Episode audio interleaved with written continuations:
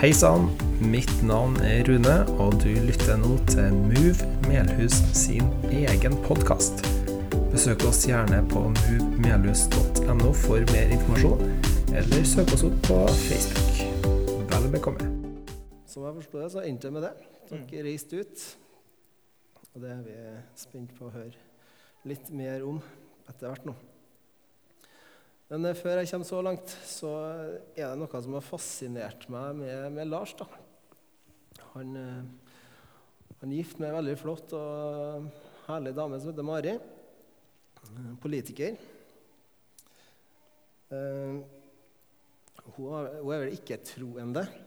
Jeg vet ikke om hun er ateist eller om hun har satt det stempelet på seg sjøl. Og det, det fascinerer meg, da den eh, spenninga som kanskje må ligge der i, i familien. Eh, noe som er så, så, viktig og grunnleggende. da. Mm. Jeg skal ikke spørre hvordan ekteskapet går, men hvordan Det er bare jeg som er i dag, så det går sikkert bra. Ja. men, men, men, jeg har lyst til å bare høre litt hvordan, ja, hvordan lever man i en sånn spenning, da? Ja, det er et veldig godt spørsmål, Rune. Takk for at jeg får lov til å komme. Kjempebra. Er det veldig høyt nå, eller går det greit? Snakker litt høyt og litt fort, så dere må bare gjøre sånn hvis det går veldig fort. Eh, jeg, som jeg bruker å si, og som jeg har sagt til deg òg, det at jeg er gift med ei som er ateist. eller om altså, Hun definerer ikke seg så veldig. Hun heller jo mer mot måte, den buddhistiske tradisjonen, men, men, hun har ikke noe tro på noe metafysisk eller noe åndelig. da, verden. Det, det, er liksom det vi ser, det er det vi har. på en måte. Eh, men for meg så har det vært kanskje den viktigste biten i troslivet mitt det å være gift med ei som kommer fra sånn radikalt motsatt eh, bakgrunn òg enn det jeg gjør for svigerforeldrene mine. De er gamle AKP-ML-ere fra 70-tallet med kodenavn og hemmelige møter og hele pakka. og veldig sånn imot alt som har med religion å gjøre. Og så har jeg min bedehusbakgrunn sjøl gjennom en far som er aktiv i KrF og vokste opp liksom på Salim i Namsos. Eh, eh, så liksom allerede der så er det et enormt gap. da. Men, eh, men det å leve sammen med noen som ikke i hele tatt står inn for det som jeg gjør sånn trosmessig, har gjort at jeg har fått en sånn veldig bevissthet rundt det jeg står for, det jeg tror på.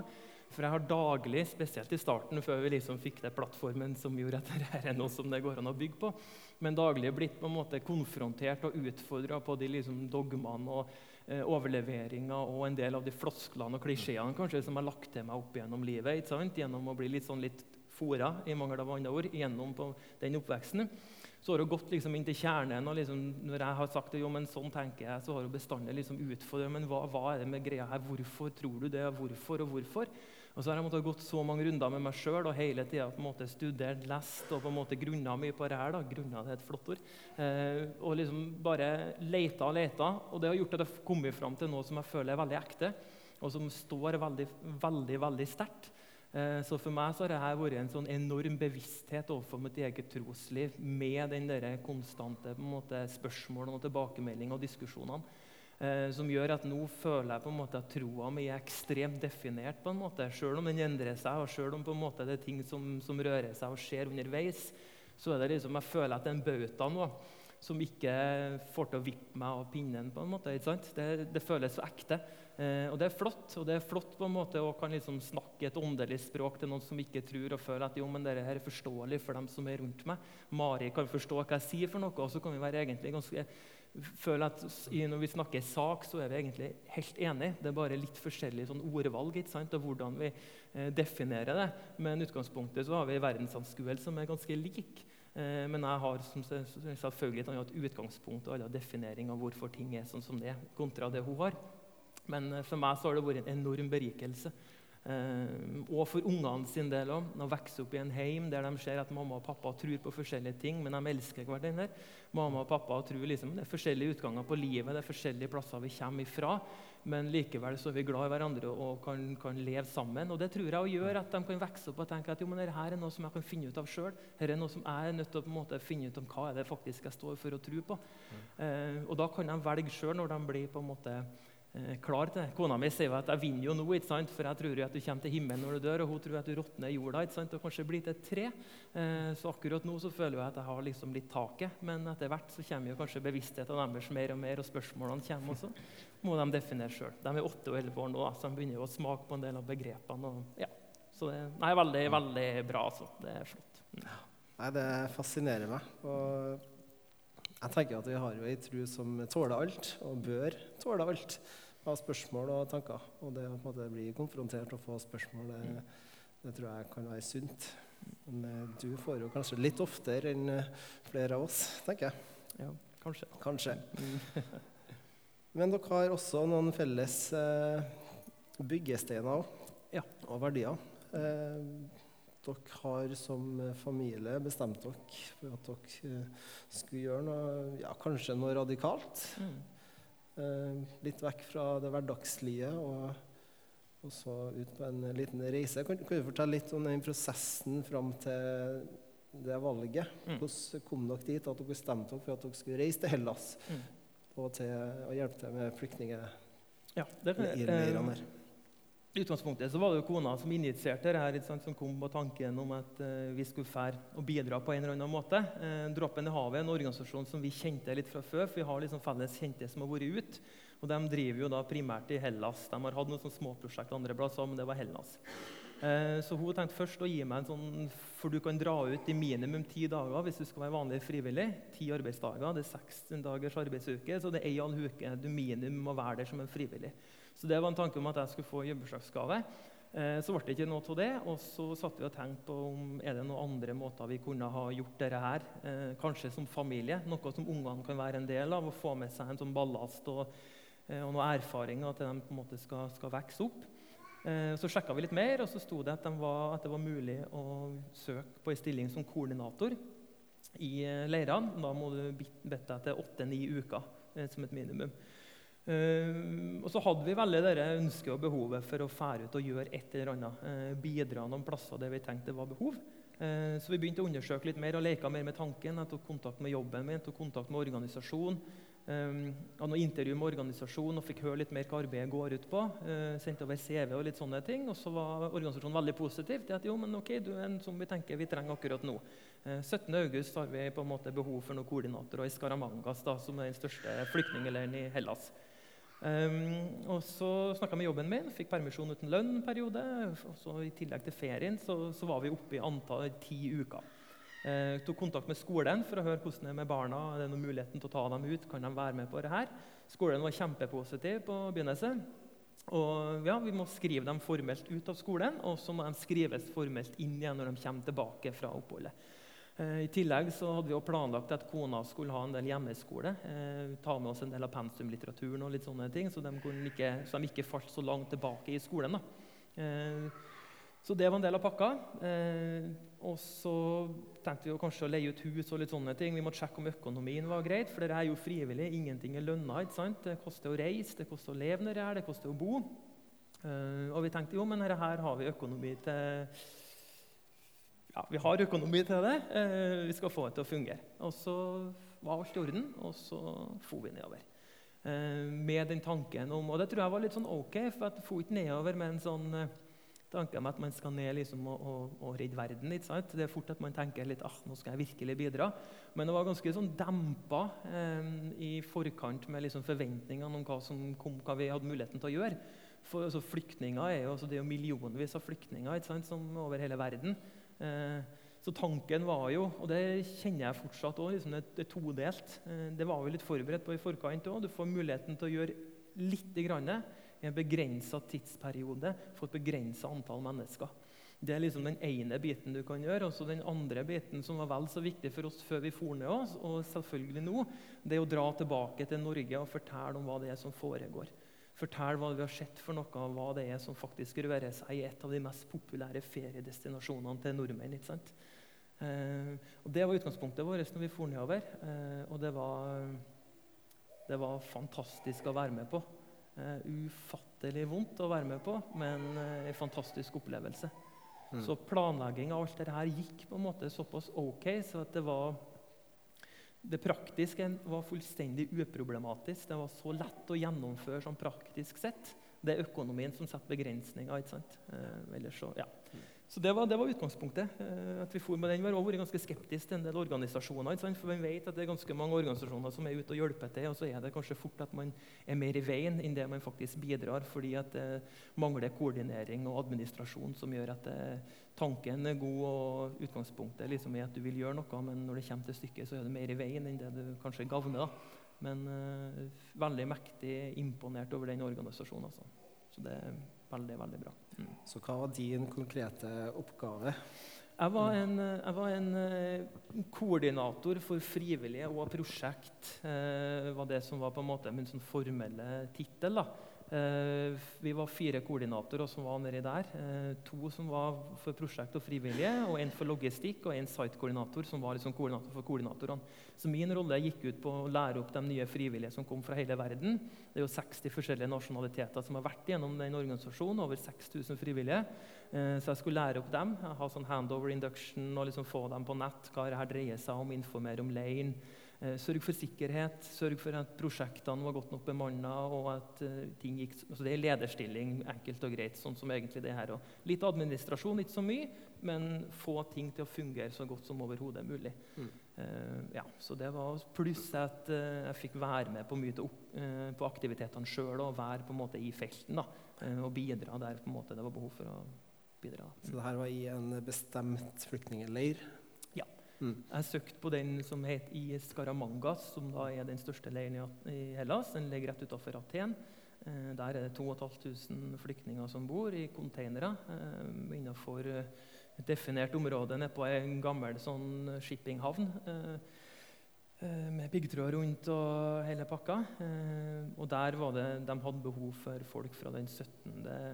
august til den 19. oktober. Da, den lengden som vi var der. Mm.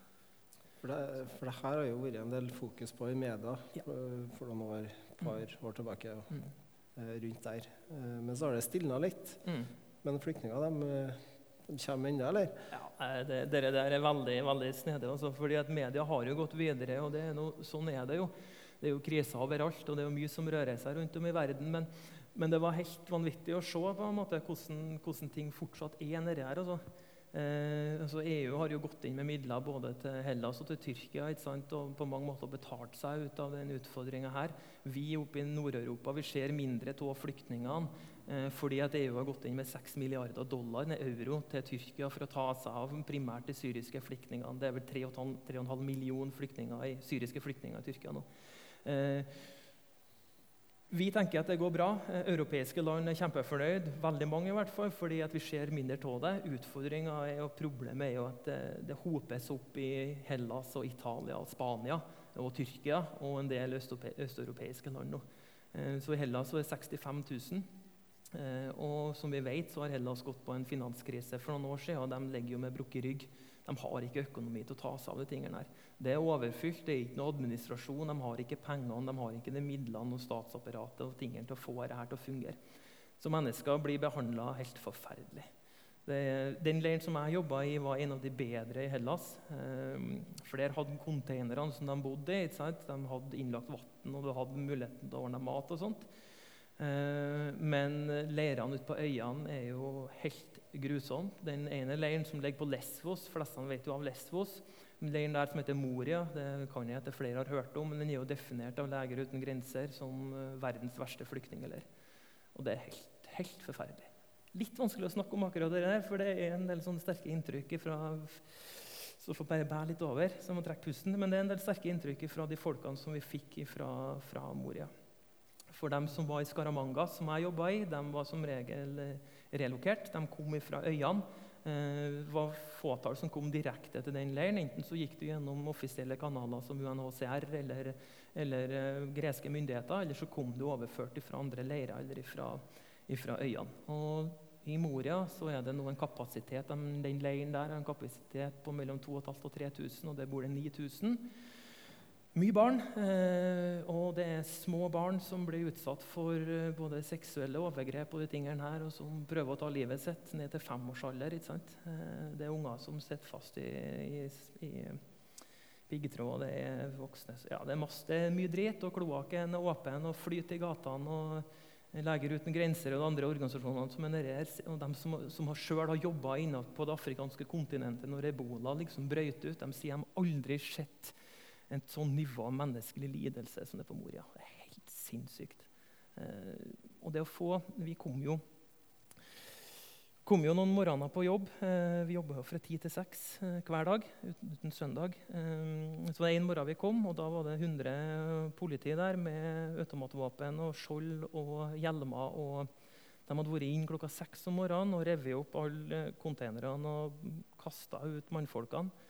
Og du kan tenke deg unger som flykter fra krig fra Syria, fra Irak, fra Afghanistan og andre kurdiske områder som har vokst opp med det her blir vekt med tungt bevæpna politi på morgenen som står og roper på et språk som du ikke kan, og kaster ut foreldrene dine, så er det grusomt. Altså. Og Det var for å gjøre plass til nyankomne. Så dagen etterpå når vi kom, den samme dagen forresten, så måtte vi evakuere, for da var det mye slåsskamper, og spenningsnivået steg jo inn i leiren, for de skjønte at her er det et eller annet som foregår. Dagen etterpå så kom det to, mellom 260 og 300 fra Moria. Og det er noe av det kanskje én av to opplevelsene her som er kanskje mest brent fast, og som er litt sånn vanskeligst å forholde seg til. Eh, for det var spesielt også. Eh, da satt jeg husker så godt, også, små spedbarn som var på betonggulvet og i skiten og bare lå og sprella. ikke sant? Og husker jeg var en gammel mann der på ca. 80-90 år som satt på en stubbe bare i seks timer og kikka apatisk framfor seg. og de kom i sånn overlevelsesmodus. ikke sant? De var strippa for absolutt alt. De sier jo, de som jobber i Moria, at de gradvis ser dag for dag på en måte den psykiske helsa bare blir brutt ned mer og mer. og mer og mer, ikke sant? Eh, og Det å se de menneskene her ikke sant, så på tampen og liksom miste alt som heter gnist i øynene, kommer fra et krigsherja område og kommer til noe som du tror er bedre, og så, og så blir du møtt med noe så forferdelig som Moria er. Eh, så er det jo mange som sier at det har vært bedre å dø kjapt i Syria enn å komme hit og dø sakte. Altså. Det å se på en måte de tingene her, hvordan det preger et menneske, og, det, og spesielt det med å være far oss, det var, det var kjiperen. ass. Skikkelig skikkelig kjiperen. Og så verst av alt oppi det hele her, ikke sant? parallelt med at de kom, så hadde det vært en trusselsituasjon inne i leiren med våpen involvert som gjort at de fleste organisasjoner må trekke seg ut uten at vi fikk beskjed. så Vi var eneste organisasjon som var inne i leiren.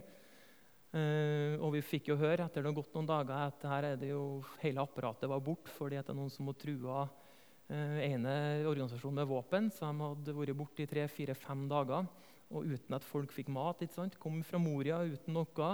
Ble lagt, på, lagt igjen på gata uten en plass å bo, uten noe mat, uten vann, uten toalett eller noe i fire-fem døgn. ikke sant? Altså er jo brudd på alt som heter menneskerettigheter. Og Det gjorde jo at vi har vært nødt til å evakuere denne perioden her, ikke sant? fordi at spenningsnivået har vært veldig høyt. for Folk så ikke forskjell på oss og andre, ikke sant? Og, og frustrasjonen begynte å komme mot oss, for folk trenger jo mat. Kan jo tenke seg selv, Hvis det er sine egne barn som går uten mat i fem dager, og du ikke har noe, og du ikke har noen plass å bo, så blir du ganske desperat. ikke sant? Så for en del av de tingene her som, som var veldig spesielt å være med på også, også eh, Ja det var veldig vondt å se hvor fælt mennesker har det.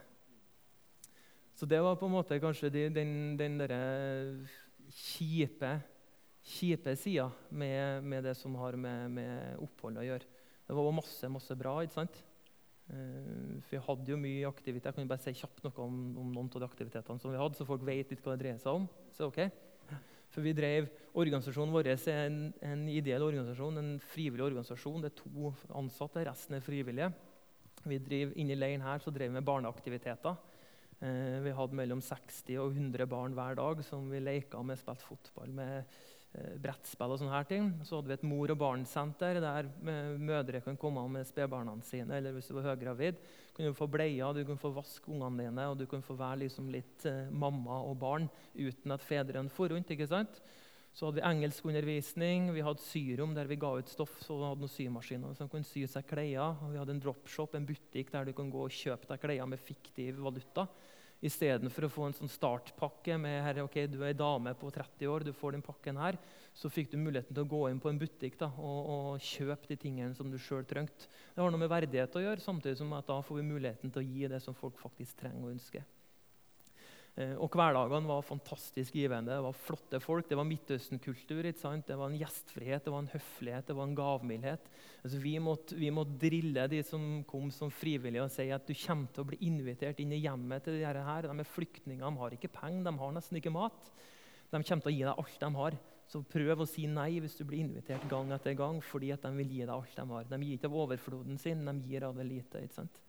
Eh, og Det var på en måte hverdagen. Altså. Helt fantastisk å treffe primært arabere og kurdere. som er der. Noen fra det afrikanske kontinentet òg, men primært kurdere og arabere.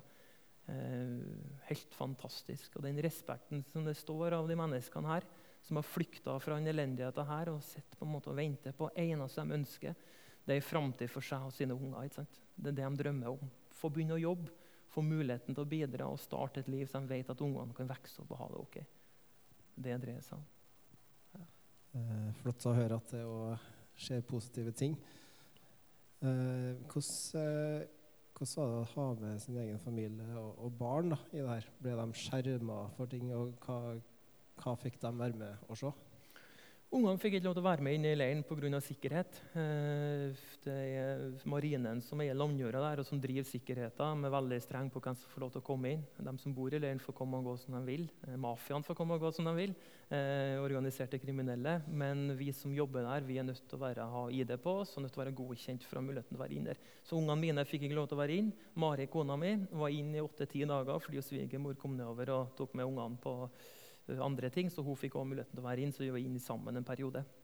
Eh, men ungene vi kjørte utafor, eh, så de fikk se området, fikk se piggtråden, fikk se liksom gjerdene og alt det greiene rundt. Eh, og så ble vi kontakta av, av, organisasjonen vår som hadde kontakt med en annen organisasjon i, i Aten, som hjelpa en del enslige mindreårige. Blant annet så fikk vi tilbud om å hjelpe en, eller spørsmål om å hjelpe en 13 år gammel eh, iransk gutt som var helt alene. Eh, som var bare sendt på et eh, sykehus, eh, om vi kunne hjelpe han med noe. Så vi for og handla inn litt utstyr til han, og så fikk vi en telefon om en annen. Den var om mulig enda verre. Det var ei tre år lita jente som vanskelig, altså. Det er litt vanskelig. Tre år gammel jente som foreldrene ble satt i fengsel fordi de ikke hadde papir på at eh, foreldrene var foreldrene hennes. Så de tok jenta og satte henne på et sykehus helt alene eh, i et land der hun ikke kan språk eller noe. Eh, hun visste ingenting. Hun var jo livredd. Foreldrene var i fengsel. Kjempestressa, nervøs, redd. Vi fikk spørsmål om å handle inn nødvendige artikler til jenta. Fikk ikke lov til å treffe henne. Ingen fikk lov til å treffe henne, så hun var helt isolert, helt mutters alene på det store sykehuset i Aten. Uh, og Ungene var med på rær og kjøpte inn tannbørste og tannkrem og var med og leverte de artiklene her til, til de ungene. Uh, og Det var spesielt for dem, og det var selvfølgelig veldig spesielt for oss. Uh, og det er dessverre bare to eksempler i et hav av eksempler. Så det er mye nød. Ekstremt mye nød. Mm. Um, hva hvor, hvor er Gud oppi der? Gjorde det deg noen refleksjoner? Ja, det, det gjorde jeg. Eh, og jeg satt mye og, og snakket, diskuterte mye religion og filosofi med, med veldig mange som er muslimer. Eh, men, men, det som kom veldig sterkt for meg, jeg nevnte det så vidt det på telefonen, Rune, det er jo eh, Matteus 25, 31-46. Eh, for der er det kanskje et, det er et bibelvers som jeg har litt sånn utfordringer med. men det Jesus bruker ganske store ord, og det handler jo om eh, Det er den klassiske når eh, som en sier, når han skiller på en måte sauene og geitene. ikke sant? Og dem som skal komme opp til kongen, opp til Guds herlighet, de som, dem som kler på den som er naken. De som besøker dem i fengsel, de som gir mat, og de som liksom tar seg av de fattige. ikke sant? Hva det, det du gjorde mot en av mine minste, gjorde du mot meg sjøl. De skal gå opp til lykke og salighet, men de som ikke skal gjøre det, de skal ned til der djevelen og hans engler på en måte gjør rede for at de skal komme. ikke sant? Og Det er så ramsalt, den forpliktelser vi har som menigheter, eh, som kristne, men måte som en del av menneskeheten.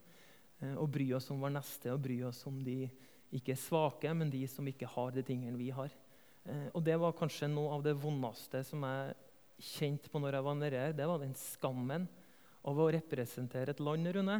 Representere et land som på mange måter fortsatt kjemper for å gjøre det veldig vanskelig for at de som har behov, skal komme til oss og få nyte av de godene som vi har.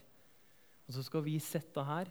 og det er jo, Hvis dere ser denne familien opp til høyre der Det var en familie som ble overført fra Moria til Skaramangas offisielt med politiet. Ble nekta inngang eh, av myndighetene i Skaramangas. Fikk beskjed at de ikke kunne være der. Bodde i tre uker på, på Victoria, i Victoriaparken midt i tjukkeste Aten med sine ni unger lå der på gata uten en ting og lå ei uke utafor leiren vår. Hadde ingenting. Eh, og vi smugla ut tepper og jakker, så at ungene i hvert fall kunne få være varme på natta. Og vi måtte smugle det ut så ikke marinen så det, for vi har ikke lov til å gjøre de tingene her.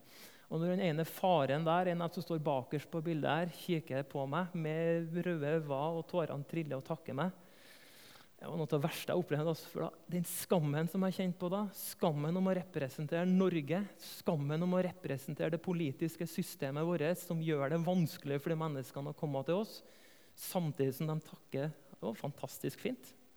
Det var veldig fint. Det var skikkelig fint. den skammen, å ta imot den takken, det var så lite fortjent. Det var kjempevanskelig. Og jeg håper det. Jeg håper det at en del av Kristen-Norge òg, som jeg er en del av òg, at vi kan være med å løfte opp det temaet her enda mer. Og tenke på de menneskene som hver dag kjemper for et liv og kjemper for en mulighet for seg og sine. Det det handler om, og det er det denne boka her handler om òg. Det er hvordan vi behandler på en måte de som ikke har noe, og som er lengst ned på rangstigen. Det er de refleksjonene jeg gjorde meg rundt om det som har med min tro når jeg var nede her.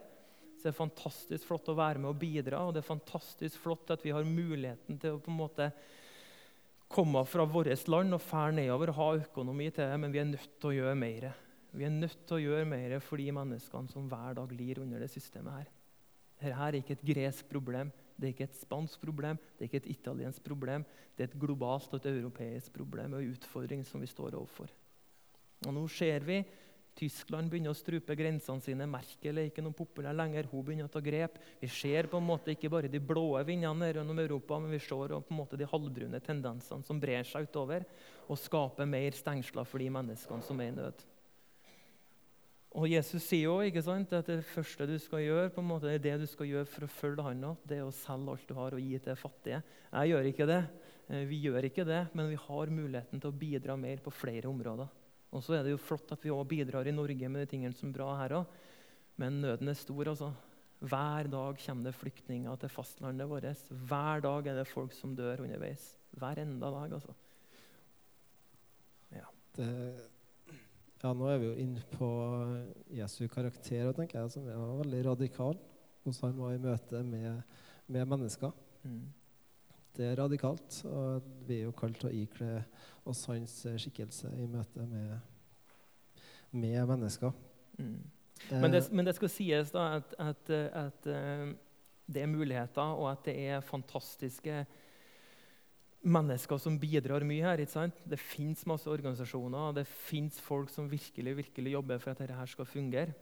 Eh, og inni leiren også, så Vi hadde jo frivillige fra leiren òg, folk som var flyktninger sjøl, og som jobba for oss. ikke sant?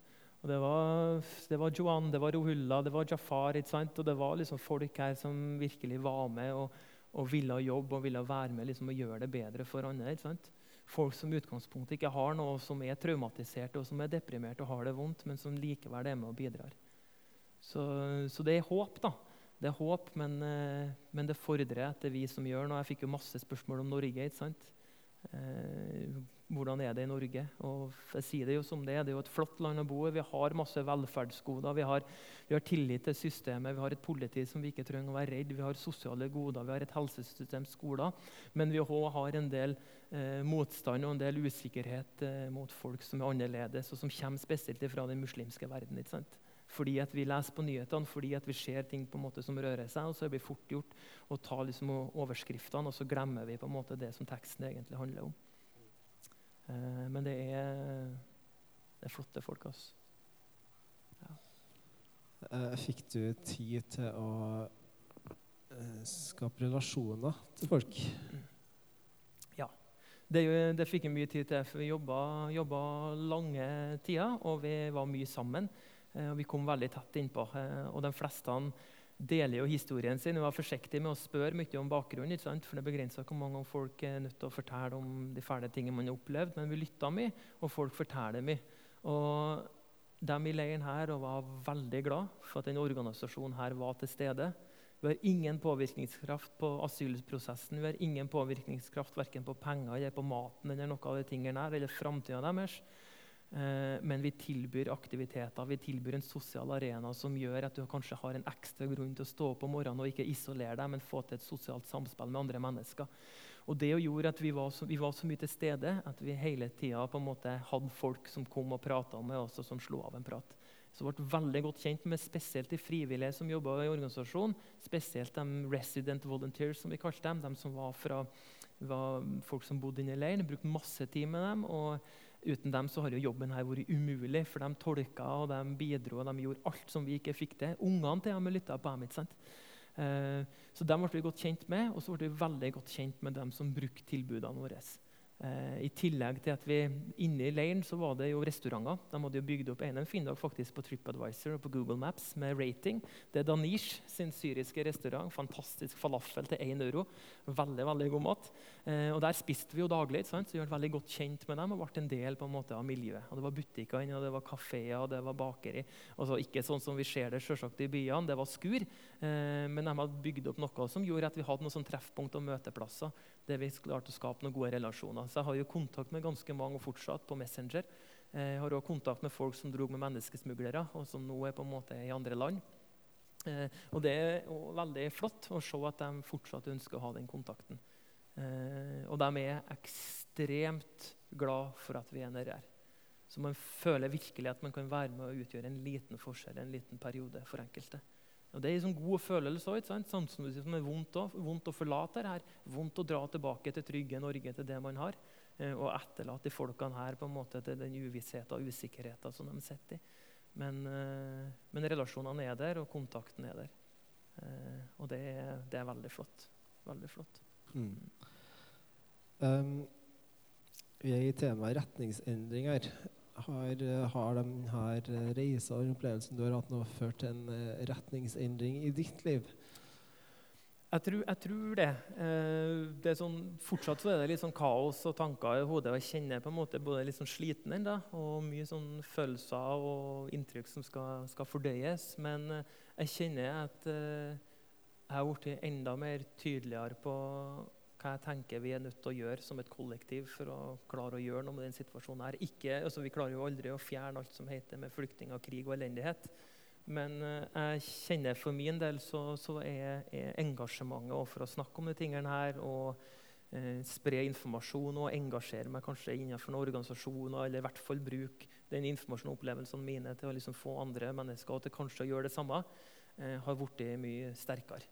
Eh, og det tenker jeg, og som jeg sa litt i stad, det håper jeg å legge innenfor et menighetsliv og innenfor det vi driver på med, med her òg, og andre plasser òg, at uh, vi må rette fokuset vårt mot uh, der det er behov. Så det er kanskje den, Jeg har bestandig sagt at jeg jobber på verdens beste plass når jeg jobber i Tyrilistiftelsen med rusavhengige. ikke sant? og gjør fortsatt det. Jobber der òg, liksom, med liv og død, ikke sant? på samme måte som her. Men det er det første gangen på de sju og et halvt årene jeg jobber i Tyrili, at jeg har begynt å tenke på om er det et annet felt som jeg skal jobbe innenfor. Og da vil det være innenfor de tingene her. For her er det så prekært, og her er det eh, Det er så mye mennesker som dør hver enda dag. ikke sant? Eh, at vi har ikke tid å vente. Vi skal hjelpe folk i nærområdene deres. Det, skal, det må vi gjøre for å skape en langsiktighet. Men når vi vet at i enkelte provinser i Syria sant, så er det 5000 forskjellige væpna grupperinger, så det er umulig å vite hvor du skal starte. ikke sant? Ehm, så her og nå så er vi nødt til å gjøre noe for å avlaste på en måte de landene som har så masse og, og, av flyktninger som de ikke har muligheten til å hjelpe. Det er den kortsiktige løsninga å åpne opp grensene mer. er min mening. Ehm, og så er det langsiktig å være med og prøve å skape noen form for stabilitet. Og bruke menighetslivet til å gjøre det, liksom si noe om det verdiene og holdningene. og Om det er kollekten, om det er på en måte hva som helst. så fokuset vårt må være på de menneskene som ikke har en stemme som blir hørt. Og den stemmen her, blir ikke hørt. De blir hørt når det er ekstremt, og så blir de en del av nyhetsbildet i noen dager. og så stilner det. Det høres ut som det har gjort, eh, gjort en del med deg, de inntrykkene du har. Og det tar jo tid å fordøye alt der. Jeg gjør det. Altså. Kjempeflott at du har lyst til å dele med oss. Jeg har lyst til å åpne opp eh, det spørsmål fra, fra salen, hvis det er noen som har lyst til å spørre om noe i forhold til det her. Så er det bare å rekke opp, eh, rekke opp hånda.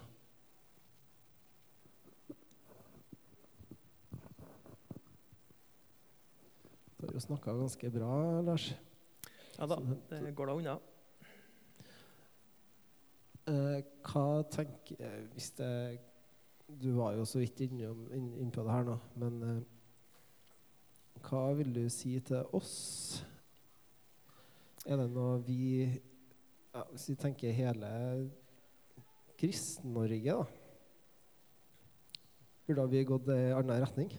Jeg tenker at Innenfor Kristen-Norge og innenfor den trua som vi har, og så innenfor på en måte de tingene som står beskrevet i boka vår, så har vi en forpliktelse overfor de menneskene som lir og har det vondt. Eh, og Det er folk i Norge som lir og har det vondt, og det er kjempeviktig at vi hjelper dem òg.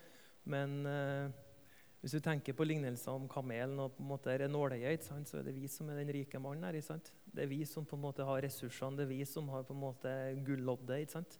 Eh, så min oppfordring og mitt ønske og håp da, det er at Kristen-Norge òg vil være på en måte en del av den radikale stemmen som sier at vi er nødt til å gjøre noe med systemet som er nå.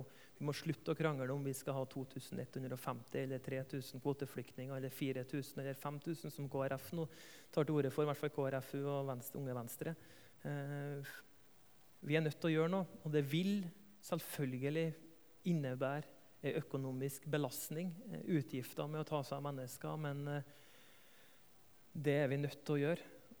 Og med tanke på de verdiene og den moralen på en måte som står beskrevet i Bibelen, og det mandatet som vi har til å utføre her, så er det, er det vår plikt tenker jeg, å bidra så mye som overhodet mulig for at mennesker skal slippe å leve i en sånn situasjon som de lever i på andre sida av jorda, nå i Europa.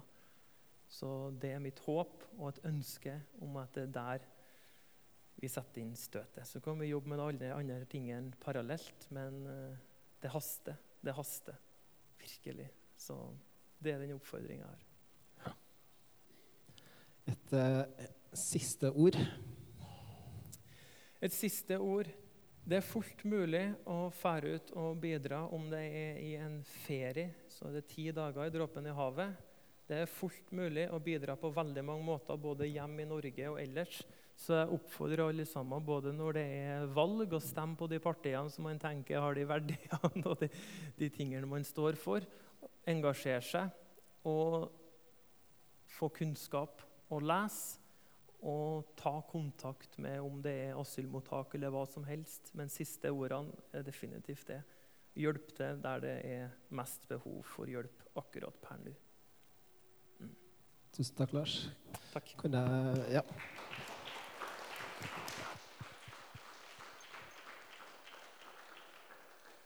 tenker jeg Kan ikke vi bare få be for deg her, sånn helt uh, til slutt?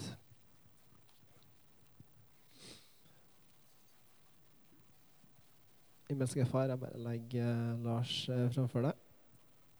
Jeg takker for at du nå har brukt han på denne reisen, og at du vil fortsatt bruke han med det han har fått sett og opplevd.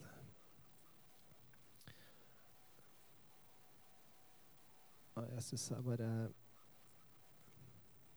ber deg for alle flyktninger og alle som lider og har det, har det vondt rundt omkring i verden, Jesus.